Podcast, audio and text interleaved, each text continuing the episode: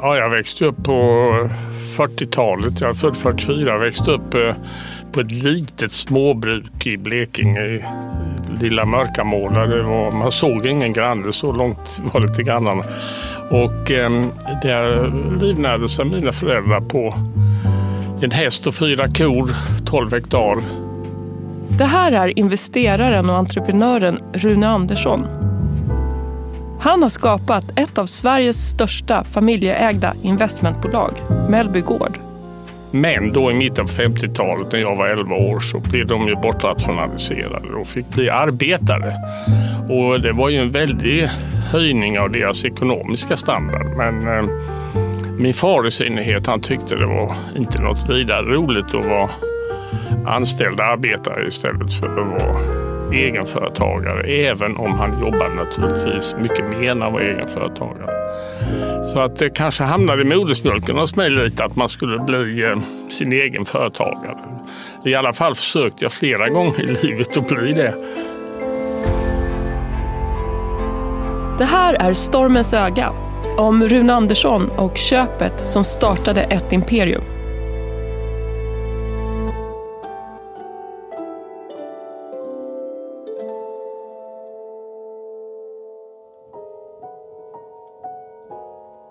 Rune Andersson gick från bonnason i Blekinge till att gå på Chalmers i Göteborg.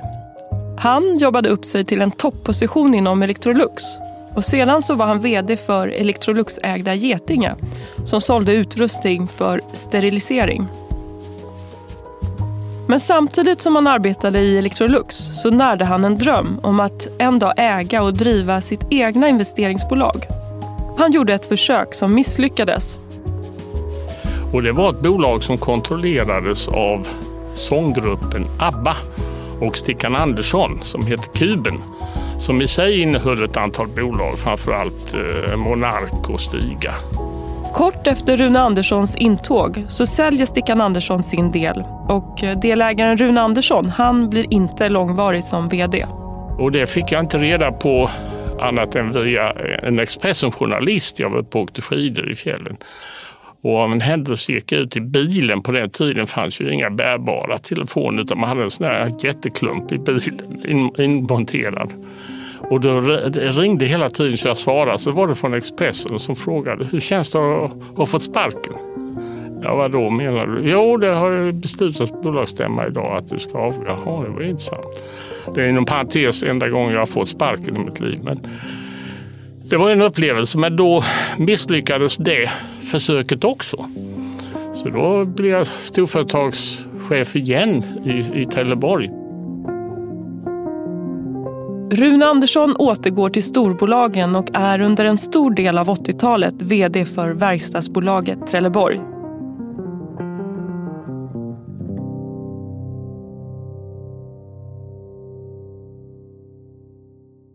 En sensommardag 1989 tar Rune emot ett samtal från sin gamla kollega från Electrolux, Carl Benett.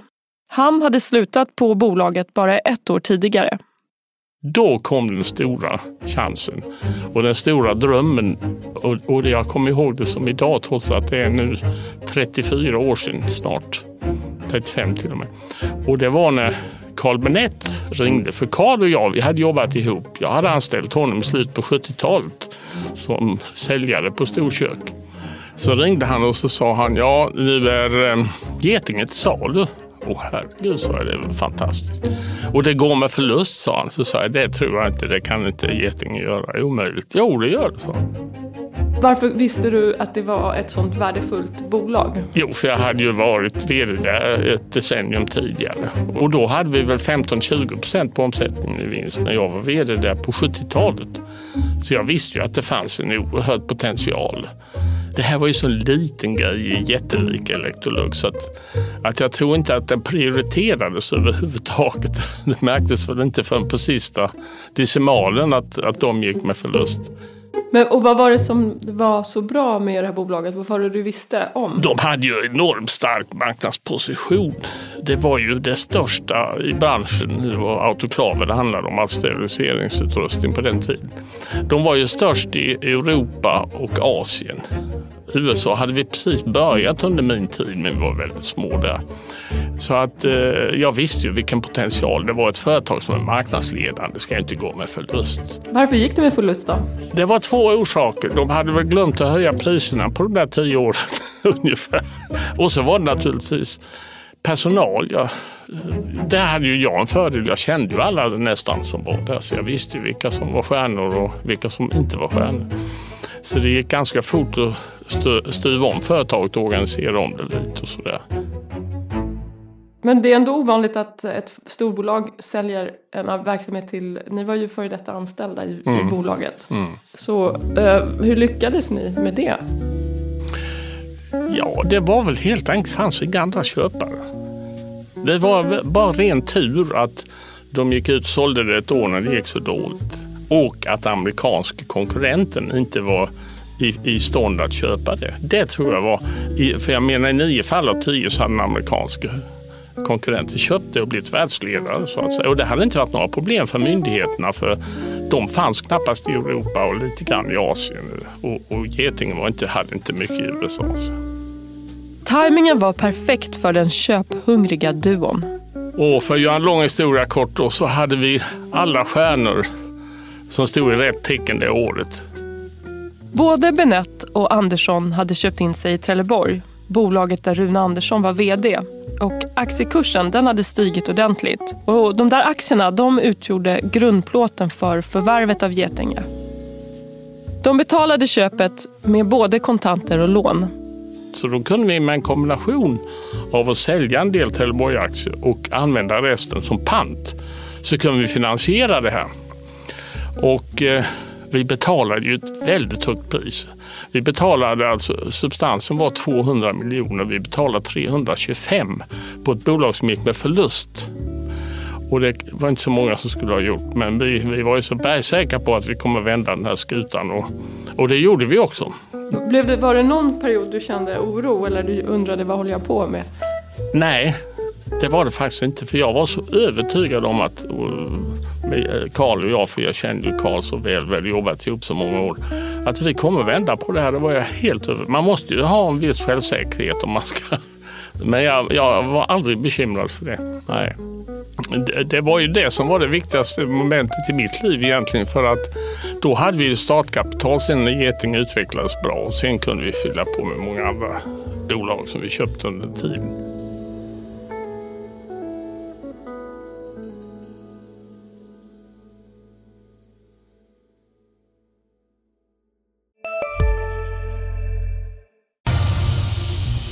Expressen gör varje vecka podden Politikrummet där vi djupdyker i det senaste och viktigaste inom svensk politik. Med mig, Filippa Rogvall, som programledare tillsammans med mina vassa kollegor. Och det är ju ni som heter Thomas Nordenskjöld, Anette Holmqvist och Viktor Bartkron. Politikrummet kommer med ett nytt avsnitt varje tisdag. Vi hörs.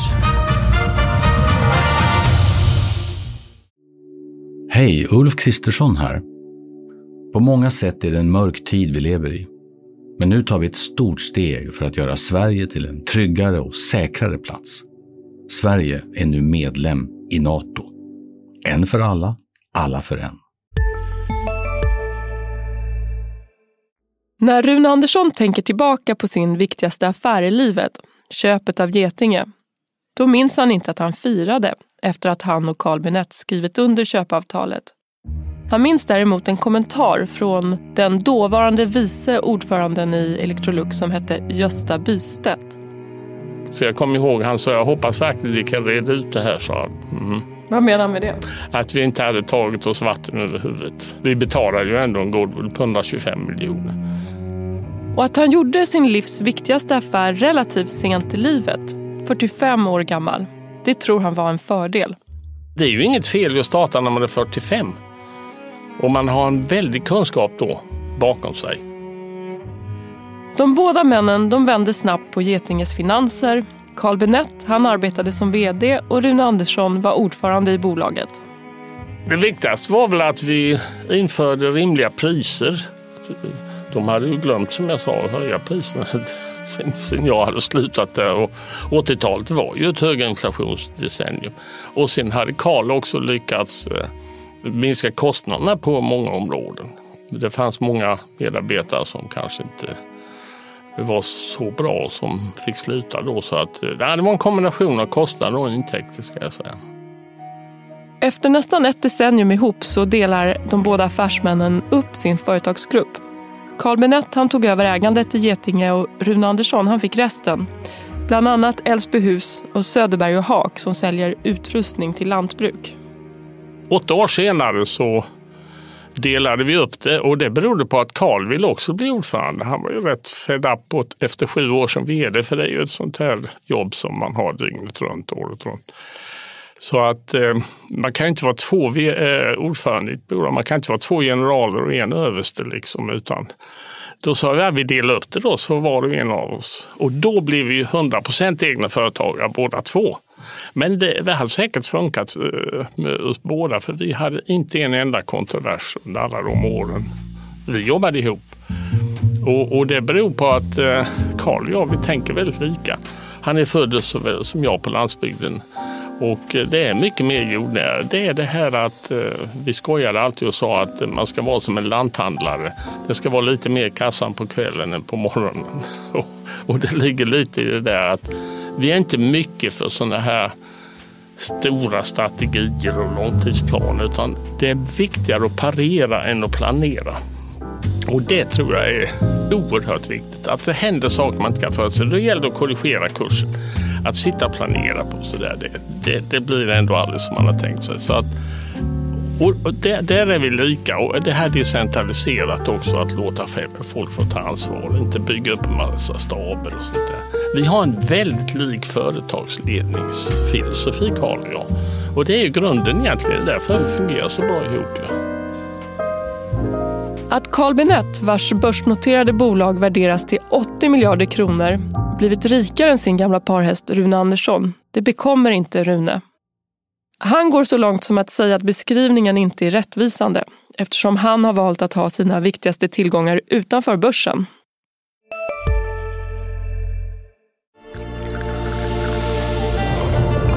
Välkommen till Maccafé på utvalda McDonalds restauranger med Baristakaffe till rimligt pris. Vad sägs om en latte eller cappuccino för bara 35 kronor? Alltid gjorda av våra utbildade baristor. Hej, Synoptik här. Hos oss får du hjälp med att ta hand om din ögonhälsa. Med vår synundersökning kan vi upptäcka både synförändringar och tecken på vanliga ögonsjukdomar. Boka tid på synoptik.se. 2022 så omsatte Rune Anderssons företagsgrupp Mellby Gård 11,4 miljarder kronor och de redovisade en rörelsevinst på 2,2 miljarder kronor. Jag tror inte man bryr sig. Nej, jag tror inte det är så för att eh, man, man, vad, är, vad är pappret? Låt säga att jag skulle notera min koncern, vilket jag aldrig skulle vilja göra. Men who knows vad den skulle vara värd för. Det är otroligt bra lönsamhet i det i alla fall, det kan jag säga. Om det är börsnoterat, det är börskursen då, här och nu. Va? Vad det är värt om tio år eller vad det var värt för tio år sedan, det, det vet man inte. Alltså, jag, jag, tror jag tänker mycket mer på cashflow, vinster och så. Det där värdet på det, det är ju aldrig relevant om man inte ska sälja det så att säga. Det är en väldig skillnad. Ja, nej, jag fattar. Så att du, får, du menar att du, får in, du kan få in löpande? Jajamän. Det var därför jag valde de bolag som eh, hel, helägda plus kassan. För det var ju cashflow hela tiden. Men Karl valde då Getinge. Det hade vi ju inte då heller mer än 20 procent. Hur är din relation med Carl Benett idag? Alldeles utomordentlig. Vi, och vi fortsatte bara för bibehålla vår relation så fortsatte vi med gemensam jakt varje år säkert ända till pandemin kom egentligen. Sen fick man göra lite uppehåll. Alltså vi har ju haft väldigt mycket diskussioner. Men vi, vi pratar, eftersom vi inte har ett ägande tillsammans pratar vi mest om konjunkturer och världsbilden av olika slag. Så, men vi talas vid på telefon ganska ofta fortfarande och det här är ju 25 år sedan nu. Och den här jakten då, då som du beskrev ja. som ni hade fram till pandemin, vilka fick mm. komma på den? Det var olika varje år. Och där delade vi upp det. Så jag bjöd mina vänner och Kalle sina så, så, så, att säga. Så det var många olika människor där. Kan du ge några råd till andra som vill lyckas som du och Carl Benett? Ja, jag tror att, att det, det, som är det allra viktigaste är att man kan ta en stor risk, det sa jag. Och det måste man nog göra om man har, har fattiga föräldrar i alla fall. Och sen kan man bara successivt utveckla det. Men det är inte så viktigt att bli tio gånger större. Utan det viktiga är att man har en tillväxt, en organisk tillväxt helst då alltså. Man ska inte ha en massa höga lån. Titta på dem i fastighetsbranschen nu. Satsa det du har råd och möjlighet till och sen eh, låt det växa och bygga upp det successivt istället. Det, det är sådana vardagliga enkla grejer. Man ska sova gott om nätterna. Efter att vi gjorde den här intervjun så hann Rune Andersson bli inblandad i en annan stor affär. Det blev stor uppståndelse när han inom loppet av några dagar både sålde och hävde försäljningen av en storpost i Academedia till Roger Akelius. Vi kände oss därför tvungna att ringa honom för en kommentar. Hallå? Hej Rune, det är Karin här. Ja, tjena. Ja, jag står och ringer om Academedia, men du får prata med Johan. Det är det jag bestämt att vi är bara en som uttalas. Okej, men du vill inte säga någonting om hur du lyckades få Akelius att, häv, att gå med på backabandet? Nej, nej, nej. Var det svårt? Nej. nej. Men var det jobbigt? Ja. Nej. Jag tycker alla känner sig befriade nu, så det är väl bra. Men var det någon klausul? Jag, måste... jag bara undrar om det var, var det nej, lätt eller var nej, det liksom nej. juridiskt lätt? Nej, nej, det tror jag. Det tror jag. Nej, jag vill inte mera. Jag tycker vi har fått lugnare upp fronten nu, så låt oss bibehålla det. Du säger att Getinge är din viktigaste affär. Hur skulle du gradera den här affären bland alla affärer i ditt liv? Mycket, mycket marginell jämfört med Getinge, det måste jag säga. Okej, okay, stort tack. Ja, ha det bra. Hej. Hej. Hej. Du har lyssnat på Stormens öga, en podd från The Weekend med mig, Karin Grundberg Wolodarski och Johanna Lundskål. Producent Viktor Aldén, musik och klippning Patricio Samuelsson och ansvarig utgivare Peter Fällman.